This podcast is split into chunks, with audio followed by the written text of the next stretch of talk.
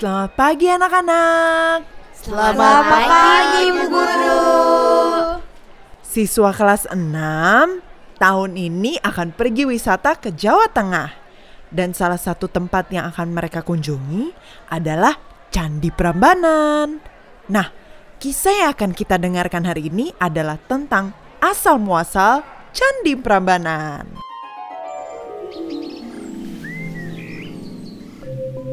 Pada suatu hari, ada sebuah kerajaan yang sangat besar bernama Prambanan. Rakyat Prambanan sangat damai dan hidup makmur di bawah kepemimpinan Prabu Baka. Di sisi lain, ada sebuah kerajaan yang tak kalah besarnya dengan kerajaan Prambanan, yakni Kerajaan Pengging. Kerajaan tersebut terkenal sangat arogan dan ingin selalu memperluas wilayah kekuasaannya. Kerajaan Pengging memiliki seorang kesatria sakti yang bernama Bondowoso. Dia mempunyai senjata sakti yang bernama Bandung, sehingga Bondowoso terkenal dengan sebutan Bandung Bondowoso. Selain mempunyai senjata yang sakti, Bandung Bondowoso juga mempunyai bala tentara jin. Bala tentara tersebut digunakan Bandung Bondowoso untuk membantunya menyerang kerajaan lain dan memenuhi segala keinginannya. Suatu ketika, Raja Pengging yang arogan memanggil Bandung Bondowoso.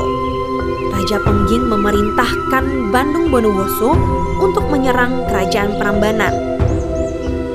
Keesokan harinya, Bandung Bondowoso memanggil bala tentara jin dan langsung berangkat ke kerajaan Prambanan. Hai bala tentaraku yang setia, mari kita serang kerajaan Prambanan. Setibanya di Prambanan, mereka langsung menyerbu masuk ke dalam istana Prambanan. Prabu Baka dan pasukannya kalang kabut karena mereka kurang persiapan. Akhirnya, Bandung Bondowoso berhasil menduduki kerajaan Prambanan dan Prabu Baka tewas terkena senjata Bandung Bondowoso. Kemenangan Bandung Bondowoso dan pasukannya disambut gembira oleh Raja Pengging.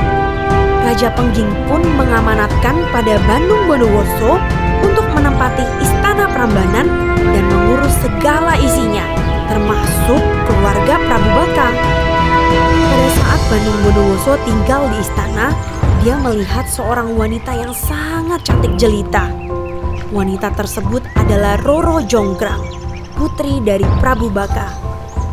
Saat melihat Roro Jonggrang, Bandung Bondowoso mulai jatuh hati. Tanpa berpikir panjang, Bandung Bondowoso langsung memanggil dan melamar Roro Jonggrang. Wahai Roro Jonggrang, bersediakah engkau menjadi permaisuriku?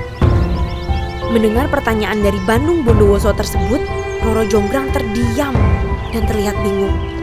Sebenarnya dia sangat membenci Bandung Bondowoso karena telah membunuh ayahnya. Tapi di sisi lain, Roro Jonggrang merasa takut menolak lamaran Bandung Bondowoso. Akhirnya setelah berpikir sejenak, Roro Jonggrang menemukan satu cara supaya Bandung Bondowoso tidak jadi menikahinya. Baiklah, aku menerima lamaranmu. Tapi setelah kamu memenuhi satu syarat dariku. Apakah syaratmu itu, Roro Jonggrang? Buatkan bagiku seribu candi dan dua buah sumur dalam waktu satu malam. Mendengar syarat yang diajukan Roro Jonggrang, Bandung Bondowoso pun langsung menyetujuinya. Dia merasa itu adalah syarat yang sangat mudah karena Bandung Bondowoso mempunyai bala tentara jin yang sangat banyak. Pada hari yang sama, Bandung Bondowoso mulai mengumpulkan bala tentaranya. Dalam waktu sekejap saja, bala tentara jin tersebut sudah datang. Dan setelah mendengar perintah dari Bandung Bondowoso, para bala tentara itu langsung membangun candi dan sumur dengan sangat cepat. Lihat, sebentar lagi permintaan Roro Jonggrang akan terpenuhi dan ia akan menjadi istriku. Roro Jonggrang yang menyaksikan pembangunan candi mulai gelisah dan ketakutan. karena hanya dalam waktu beberapa jam tinggal tiga buah candi dan sebuah sumur saja yang belum mereka selesaikan. Roro Jonggrang kemudian berpikir keras mencari cara supaya Bandung Bondowoso tidak dapat memenuhi persyaratannya. Akhirnya ia terpikir sebuah jalan keluar. Roro Jonggrang segera memanggil semua dayang-dayang yang ada di istana. Dayang-dayangku, tolong bantu aku membakar jerami, membunyikan lesung, serta menaburkan bunga yang berbau semerbak wewangi. Mendengar perintah dari Roro Jonggrang, dayang-dayang segera membakar jerami. Tak lama kemudian, langit tampak kemerah-merahan dan lesung pun mulai dibunyikan. Bau harum bunga ini sebar pun mulai tercium, sehingga ayam jantan mulai berkokok. Melihat langit memerah, bunyi lesung, dan harumnya bunga tersebut, maka bala tentara Bandung Bondowoso mulai pergi meninggalkan pekerjaannya karena mereka hanya bisa bekerja di malam hari. Melihat bala tentaranya pergi, Bandung Bondowoso kebingungan dan berteriak. Hai bala tentaraku, hari belum pagi. Kembalilah untuk menyelesaikan pembangunan candi ini. Para jin tersebut tetap pergi dan tidak menghiraukan teriakan Bandung Bondowoso.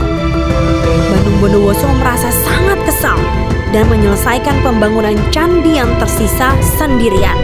Namun, belum selesai pembangunan candi tersebut, pagi sudah datang. Bandung Bondowoso gagal memenuhi syarat dari Roro Jonggrang. Mengetahui kegagalan tersebut, Roro Jonggrang lalu menghampiri Bandung Bondowoso. Kamu gagal memenuhi syarat dariku, Bandung Bondowoso. Mendengar perkataan Roro Jonggrang tersebut, Bandung Bondowoso sangat marah. Kau curang Roro Jonggrang. Sebenarnya engkaulah yang menggagalkan pembangunan seribu candi ini. Oleh karena itu, aku akan mengutuk engkau menjadi patung yang ada di dalam candi tersebut. Kesaktian Bandung Bondowoso, Roro Jonggrang langsung berubah menjadi patung. Wujud patung tersebut hingga kini dapat disaksikan di dalam kompleks Candi Prambanan dan nama candi tersebut dikenal dengan Candi Roro Jonggrang.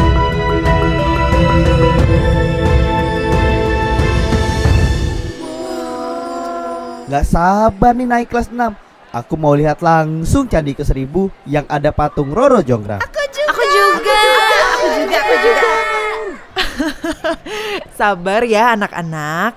Sekarang belajar yang rajin dulu supaya naik kelas dengan nilai yang bagus.